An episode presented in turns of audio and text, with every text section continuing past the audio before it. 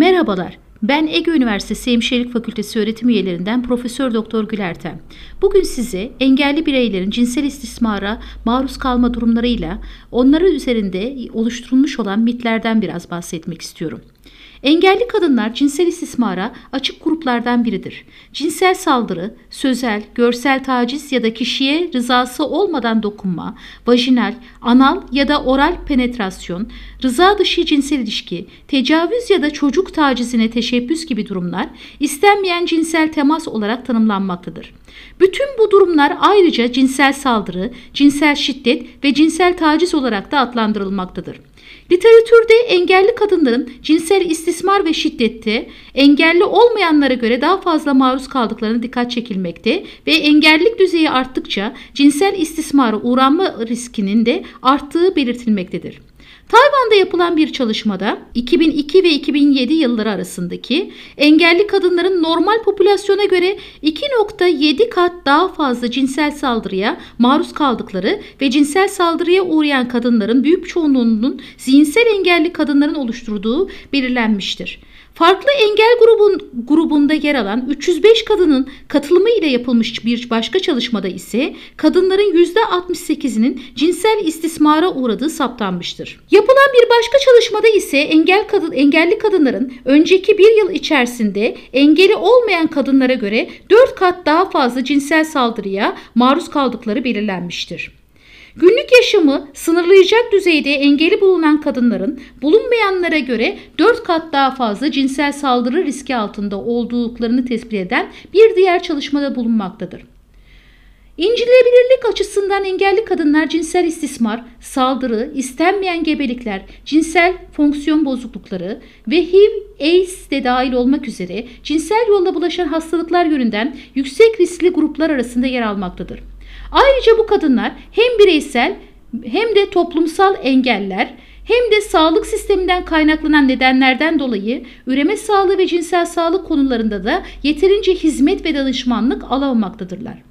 Buna karşın sağlıklı cinsel yaşam yaşamları engelli kadınlar da dahil olmak üzere tüm bireylerin insanlık hakları arasında yer almaktadır. Bu nedenle engelli bireylerin cinsel sağlıkla ilgili konularda ihtiyaçları olan hizmetlere ulaşmasının önündeki bütün engellerin kaldırılması ve gereksinimleri olan sağlık hizmetine ulaşmaları sağlanmalıdır. Örneğin bu amaca yönelik olarak görme engelli kadınlar için Brille el alfabesi ile hazırlanmış olan özel materyaller hazırlanmalı, bedensel engelli kadınların muayenesi muayenehane masalarına çıkmasına yardımcı olunmalı ve özel muayenehane masaları tasarlanmalı, giyinme, soyunmaları için daha fazla zaman ayrılmalı, gerekirse giysilerini çıkarma ve giydirmede yardımcı olunmalı, hizmet alımından önce e, tanınmalısı gerekmektedir. Ancak bu hizmetlerin sunulabilmesi için sağlık çalışanlarının konunun farkında olması ve engelli kadınların da cinsel hayatları olduğu konusunda kendi engelleri kaldırmaları önem arz etmektedir. Antik çağlardan günümüze kadar engelli yaşayan kişiler hakkında negatif tutumlar çoğu kültür ve uluslarda iletişim ve medyada tanımlanmaktadır. Bu negatif tutumlar toplumun genelinde tedavi edilebilen engelli kişileri de etkilemektedir. Engellilere yapılan kötü muamele kısmen bu mitler ve yanlış algılamalardan kaynaklanır. Negatif tutumlar ve mitler engelli yaşayan insanlarla ilgili oluşturulup sürdürülürken cinsel yaşamla ilgili de ayrıca bazı mitler bulunmaktadır. Bu mitlerin en önemlisi engelli bireylerin cinsel yaşamlarının aktif olmamadığı, olmadığıdır.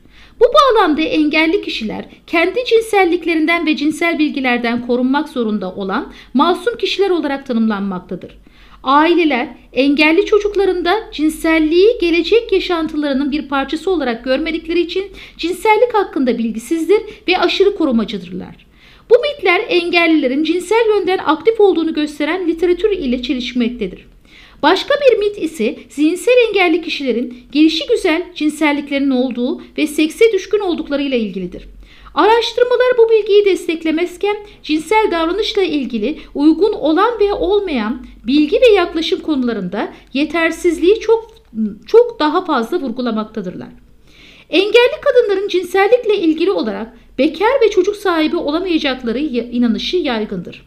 Bu mitler Engellilerin bağımsız yaşamları için cinsellik, benlik kavramı motivasyonlarını da olumsuz etkilemektedir. Bu mitlerden bazılarını şöyle sıralayabiliriz.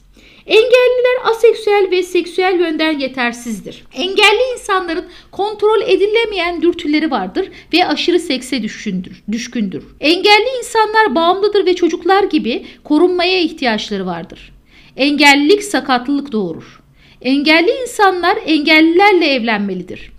Eğer engelli kişi cinsel bir probleme sahipse bu engelliliği yüzündendir. Eğer engelli olmayan bir kişi engelli bir kişiyle cinsel ilişkiye girdiyse onu çekmek zorunda değildir. Engelli kadınlar gebe kalamazlar ve doğum yapamazlar. Benlik saygısı ve özgüven cinsel yaşamdan memnuniyetle ilgilidir.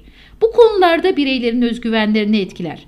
Benlik saygısı ve beden, beden imajı cinsellikleri üzerinde hem negatif hem de pozitif etkiye sahiptir.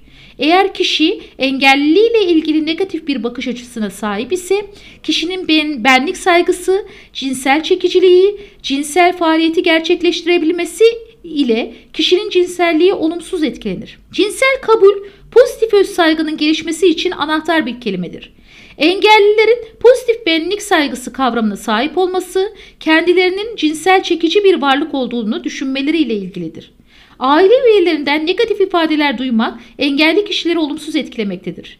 Düşük benlik saygısı ile cinsel ilişkiye girme, sömürücü ya da kötü niyetli yaklaşıma maruz kalma riski taşımaktadır.